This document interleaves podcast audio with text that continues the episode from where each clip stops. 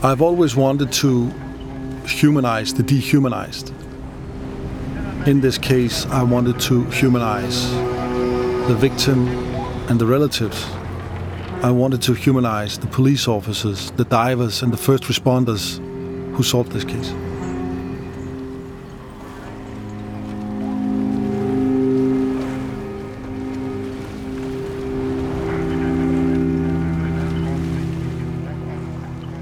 Welcome to Behind the Investigation, a podcast about the genre defining new crime drama written and directed by Oscar nominated Danish screenwriter and film director Tobias Lindholm.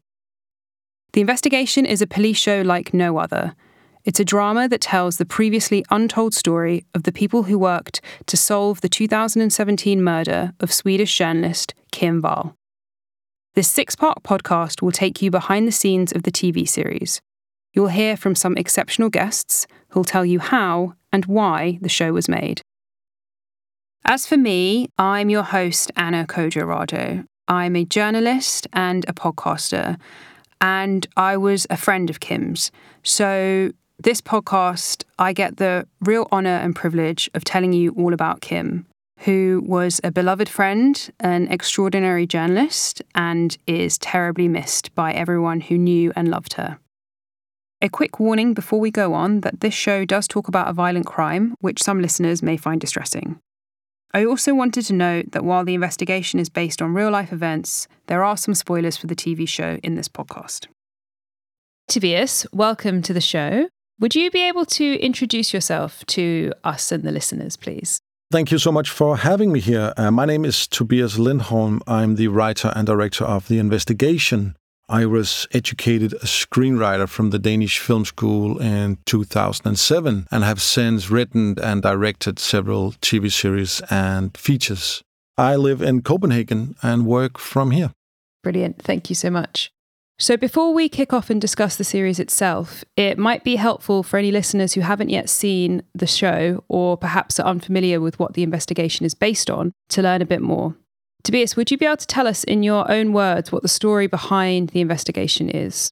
In the late summer of 2017, a, a crime that caught the local press and later on the international press attention uh, occurred. Uh, a young female Swedish uh, journalist had sailed out in a home built submarine together with one of the men who had built the submarine to do an interview. When the uh, submarine returned, the journalist had disappeared and the story caught everybody's attention, mine as well. But quite soon after that, I realized that I didn't understand what I was supposed to do with this story. It became a very one dimensional obsession with the darkness, with the crime itself. And much later, I met with Chief of Homicide Unit in Copenhagen Police, Jens Møller. I did this because I've been making movies about reality, or at least based on the logics of reality and based on the logics of certain professions uh, during my career. And the opportunity to meet the chief of homicide, I was, of course, uh, intrigued and wanted to pick his brains. Um, so we met for a cup of coffee. I had another case I knew he had worked on inside. I thought that there was a, a form of terror, or at least the planning of a terror attack in Copenhagen that I would have talked to him about. But during this cup of coffee, Jens Møller told me some things about this submarine case. And the the stories he told me were so different from the stories I read in the press back then.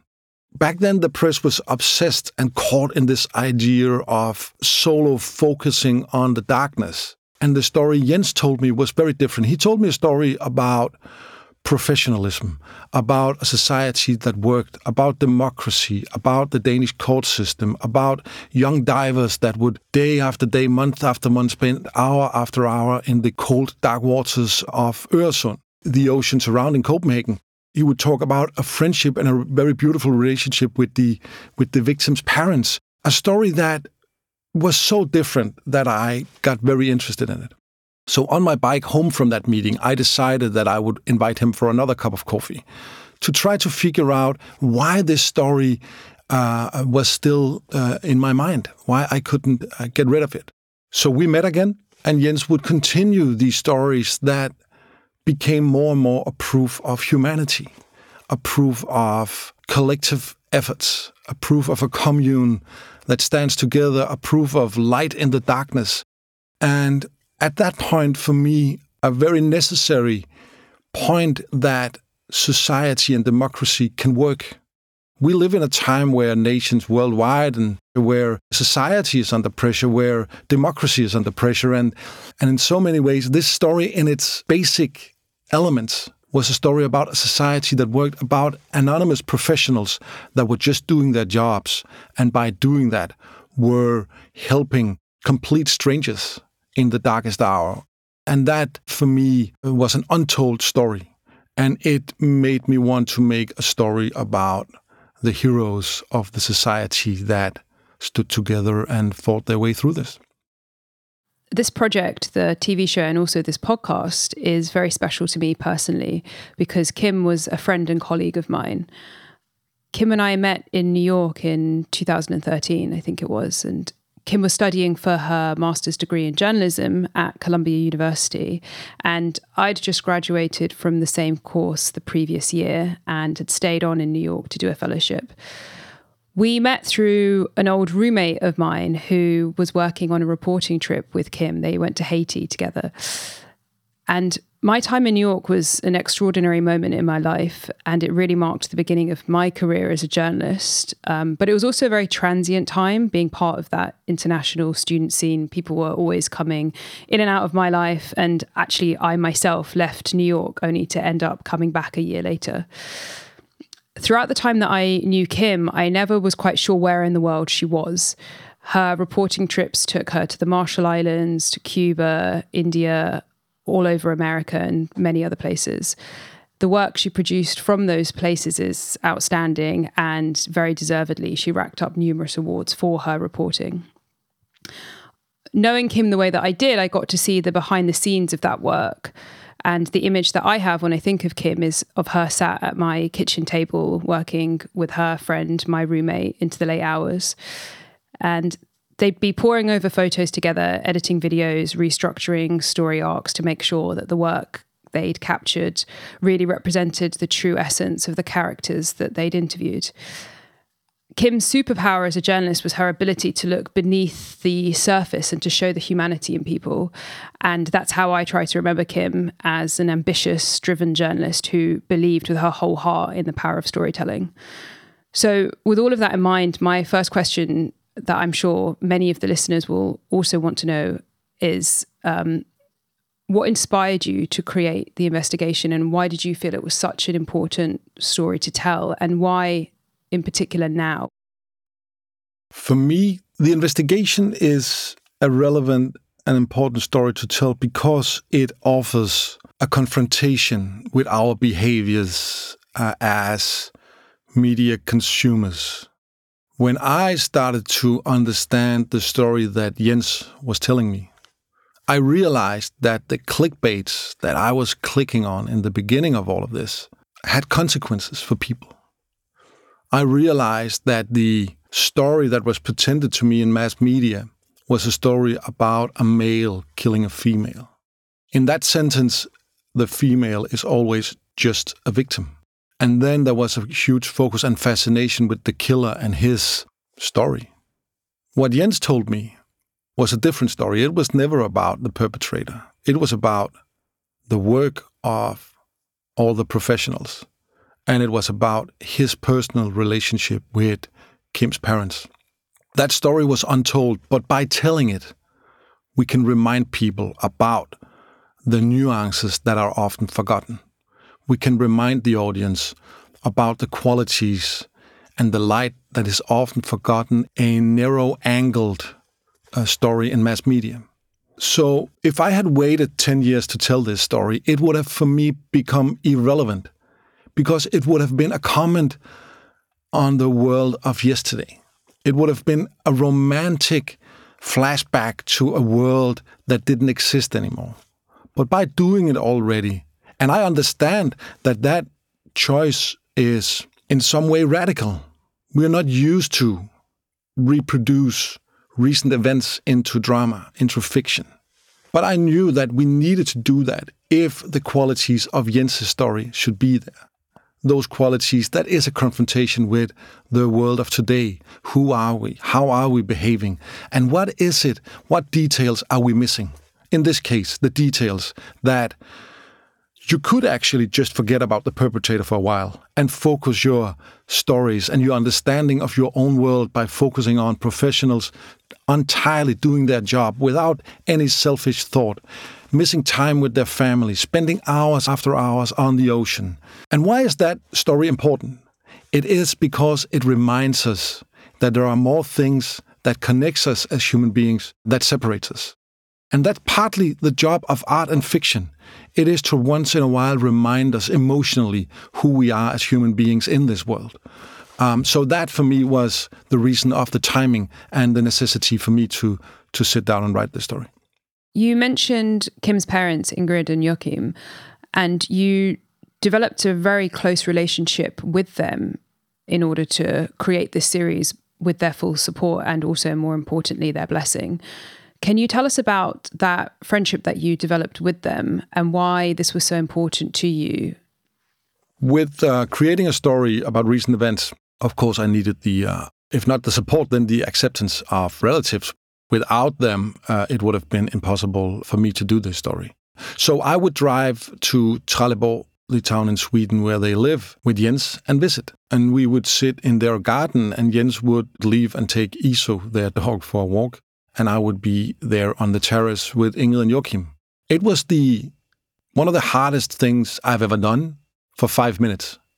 And then they made it one of the easiest things I've ever done. The strength of them, and luckily we'll meet them uh, uh, later on, they were very inspiring. And, you know, I wasn't there with a complete idea of a TV series. I didn't really know. I was still in the searching of the story in what Jens had told me. So I would just listen to their story and understand the reality from their perspective. And they would confirm some of the uh, stories that Jens had already told me. But they would also tell me how important it was for them that the divers and the investigators and the scientists and the Swedish dogs that they had done so much for them. They felt grateful and they felt a need to express that gratitude. So we ended up with an agreement that I would try to figure out what story that was in there. What I told them was, I think that there is a story in this where we don't need to focus on the perpetrator. We can even do it by just locking the door behind him, throwing away the key, and never mention his name. Why? Because he's not relevant. If this is a story about the heroes, we don't need him. We just need to focus on all of the heroes and all the heroic work and all the inspiring proofs of love and affection that this story also contains. And we agreed that I could continue that thought process. At that time, I wasn't sure if this was a miniseries, if this was a, a feature, if this was a long running thing. I really had no, no idea, but I would go home and try to outline it. And that first meeting proved to me that I was dealing with some very special people. Out of that, a friendship grew, luckily. When you meet them later, you will understand why it's not that difficult to become friends. They are some of the strongest and most loving people I've met. And the generosity that they showed me and the rest of the film crew was just uh, incredible. So, so out of this work, out of my interest in their life, our friendship grew and this story grew. It's important for me to say that I never intended to tell Kim's story. That would be impossible for me. I think that's up to Ingrid and Joachim and maybe you, Anna, and the rest of the people that knew Kim. I saw it as my job to tell the stories of the investigators, all the professional people solving this case, and then introducing glimpse of the life of the parents, the relatives, when their lives were relevant for the investigation. So imagine that every time they would cross the investigation, that was the moments I knew I was going for. Those were the moments I wanted to tell about. Luckily, Joachim insisted on being a very close part of the investigation, so I had many windows to choose from. Uh, but I never was arrogant enough to think that I could tell Kim's story, or I even could tell Ingrid and Joachim's story. I could tell their story together with Jens. And and that became the aim for me uh, um, in this. And then it just became became work. They, they both Ingrid and Joachim are journalists. They know storytelling. They know this game. They have been uh, confronting people with unpleasant stories before, so they know it from a certain angle, and they they can thereby protect themselves in this very strange job of telling this story. So very fast, it became a more or less a professional uh, connection that grew into a very uh, a very tight friendship. I think that's a distinction that is really important to make. That this is obviously a story about Kim, but this is not Kim's story, and this is a show that focuses on all of the heroes around what happened and the people who actually brought justice to light. But this is not this is not the telling of Kim Wall.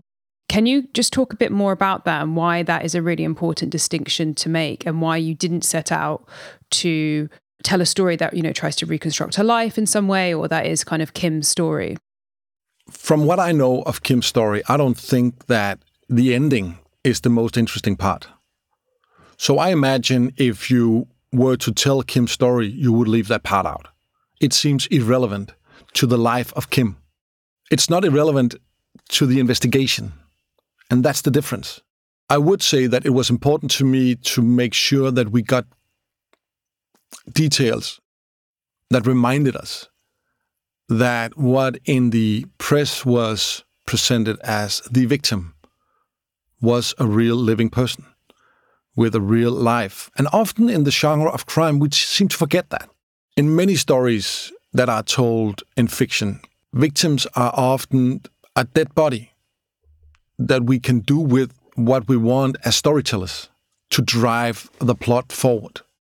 In this case, there was a different responsibility connected, a responsibility to make sure that the details that were there was right, for two reasons. One is that I feel the responsibility of going out there and telling a story that should be close to the truth. I need to have details. But secondly, there were so many misunderstandings in mass media about this case so we felt the responsibility to clear up some of those. So you will see in this series that we will confront a few of those assumptions that were out there in the press. We will confront some of the false rumors and some of the rumors that grew out of people's imagination. And we will try to clear that up. That's not telling the story of Kim's life. That's just protecting the memory of her.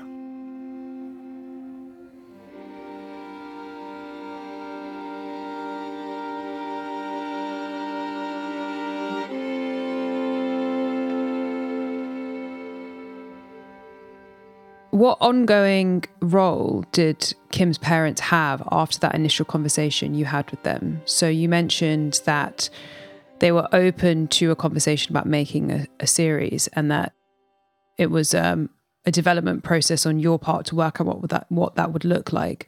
So what was your ongoing conversation with them following that and how did that shape what has eventually become the TV show? So when I went home from from that first meeting, I went to my office and I would try to work with two different timelines. I would on one timeline work of all the details I got from Jens, the practical, the procedural details. How did this work? And then beneath that, I would make an emotional timeline how did their friendship develop throughout the month that was covered by the other timeline? And slowly, beats and moments of that story would materialize so that I could see a connection between Jens going hunting and Ingrid going to the beach. I could see a connection between when Jens met Ingrid and Joachim for the first time and within the case when he met them the last time. I could start to do these out measuring of a storyline. And when I had done that, I could drive back to Trelleborg and have another cup of coffee and talk to Ingrid and Joachim and Jens about this idea of a storyline. And slowly, step by step, we would get closer and closer to the concept of what became the investigation. From the beginning, I told them that I couldn't give them final cut of the show, that it was my responsibility. I was the writer and director, the creator of this, but I would allow them to interfere in every details possible. I didn't do that to keep them out and make sure that this is my story. I did that to show them that I was serious and that I have an idea of where I'm going, and just to make sure that the that the roles we play are different. They didn't want it anyway different. It was not like they wanted to make this TV show. They were friendly and professionally helping me to make my TV show or my story about this. Basically, Ingrid and Joachim have read every word I've ever written on this project, every draft, every rewrite, every new scene. And we've had long and short conversations about it. They have watched every edit, every version of this. They have listened to every piece of music that was on it. And once in a while, they have had comments and ideas. And the interesting thing is that once in a while, they had comments as the experts on their own stories. But once in a while, they also just had comments as normal audience. So step by step, they would be part of it. And at a point when I was about to cast a dog that would act as their dog, Iso, Joachim called me and he sounded very serious. And then he said that he insisted on Iso playing Iso. They wanted their dog to be part of the TV show. And I remember I tried to get out of that because I was so scared that something would happen to Iso while we were shooting. I wouldn't expect it. But I was so afraid that we would do anything that would that, that would harm Iso. But Joachim insisted. And he also insisted that him and Ingrid would be the dog handlers. So they would drive Iso back and forward to set. They would be there while we were shooting with him and make sure that he was all right and was doing okay. And what I had feared as an emotional burden uh, because of the responsibility we suddenly were carrying, it became very liberating. Not just for me, but for the whole film crew because suddenly Ingrid and Joachim that we were portraying were on set while we were shooting. So Pernilla August and Rolf Lassgård would walk down to the beach with the real Iso, and by my monitor we would have the real Ingrid and Joachim watching and being able to distance themselves from that situation. And that gave the film crew a relief.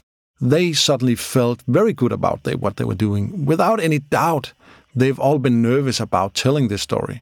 And they all, of course, felt liberated and better by the efforts of and the presence of Ingrid and Joachim. So they've been increasingly and growing a bigger and bigger part of the of the series until uh, we did it. And and now I consider them friends. And to be honest, I look forward for us to put this show behind us and then just continue a friendship because they have interesting stories to tell that I want to listen that we haven't had time to to to get by yet. I want to pick up on something that you mentioned earlier, which is that you never set out to do the show and to tell the story, and that it came out of a conversation with Jens almost, it sounds as though almost by chance. Looking back on that, how do you feel about the fact that this story almost came to you and presented itself as one that had to be told and actually was rooted in a story that when the actual story itself broke when Kim's disappearance was first made international news it's a story that you yourself say that you actually shied away from or felt that you almost couldn't look at. So how has that journey for you changed and what's been the impact of it on you? After my first meeting with Ingrid and Joachim on their terrace I felt obligated to tell their story. It felt not as a burden, but as something I needed to do. It felt like Jens had told me a story that I didn't know, and Ingrid and Joachim gave it depth so that it was a story that I just needed to tell. Um, some stories is easy to tell. It's not easy to sit down and write a TV show like Borgen, but it's imagination. So we play around with ideas and we have fun while we do it. I would be lying if I told you that it was fun to do the investigation. I think it was interesting. It was at some point very sad, at some points very life proving and full of energy. But it was never fun because it is the most serious story I have ever done. Had I known this amount of emotions that I would go through entering this story, I'm not sure that I had done it. But now, on the other side of it, I am grateful that I did. And I guess that describes it the best. I have changed. I have now gray hair. um, but I also have beautiful new friends. And I have more than ever understood what we can do with fiction. The thing is, I knew what TV show and what story I wanted to tell, so I was not nervous. But the world around me didn't understand that. Journalists, people with opinions, bloggers, all kinds of people in Denmark didn't understand what story we were telling. They just knew that we were doing a story about the submarine case, and they felt it too soon. And the pressure from that, of course, we needed to deal with, especially to protect my actors and my film crew from that. For me, it was never a moral dilemma to do this show because I knew what kind of story I was telling. But of course, there was moral speculations among actors and the film crew about wanting to participate. And that that became my responsibility and was my responsibility to protect them from that and make sure that we were doing the right thing. And I've been carrying that around with me in my pocket for a couple of years, and um, and luckily I did. But it hasn't been fun. It's been interesting, uh, but not fun. You've mentioned a few times this need to tell the story, and I think anybody who is in the business of telling stories, I include myself in this, can identify with what that means. And it's something that knowing Kim and from the conversations I had with her, particularly about our work, that she also had a need to tell stories. Can you describe what that is like, where that comes from, and what it feels like when you find a story that you just feel compelled to tell to the world?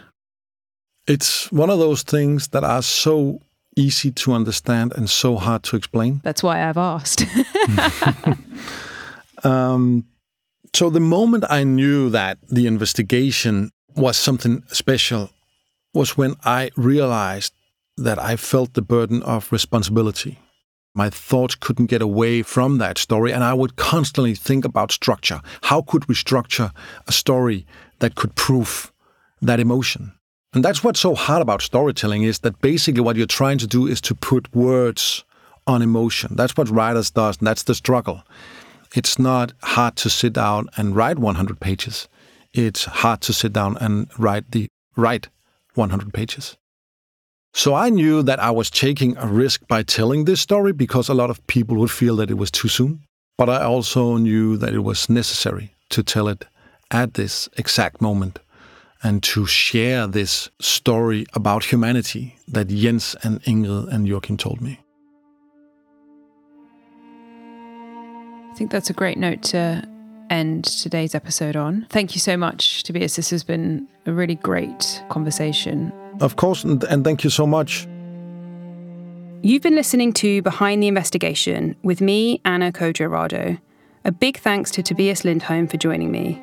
We're just scratching the surface of the true story behind this series. Next time, we'll be joined by the real life lead investigator, Jens Møller, to hear how the police approached this so called impossible case.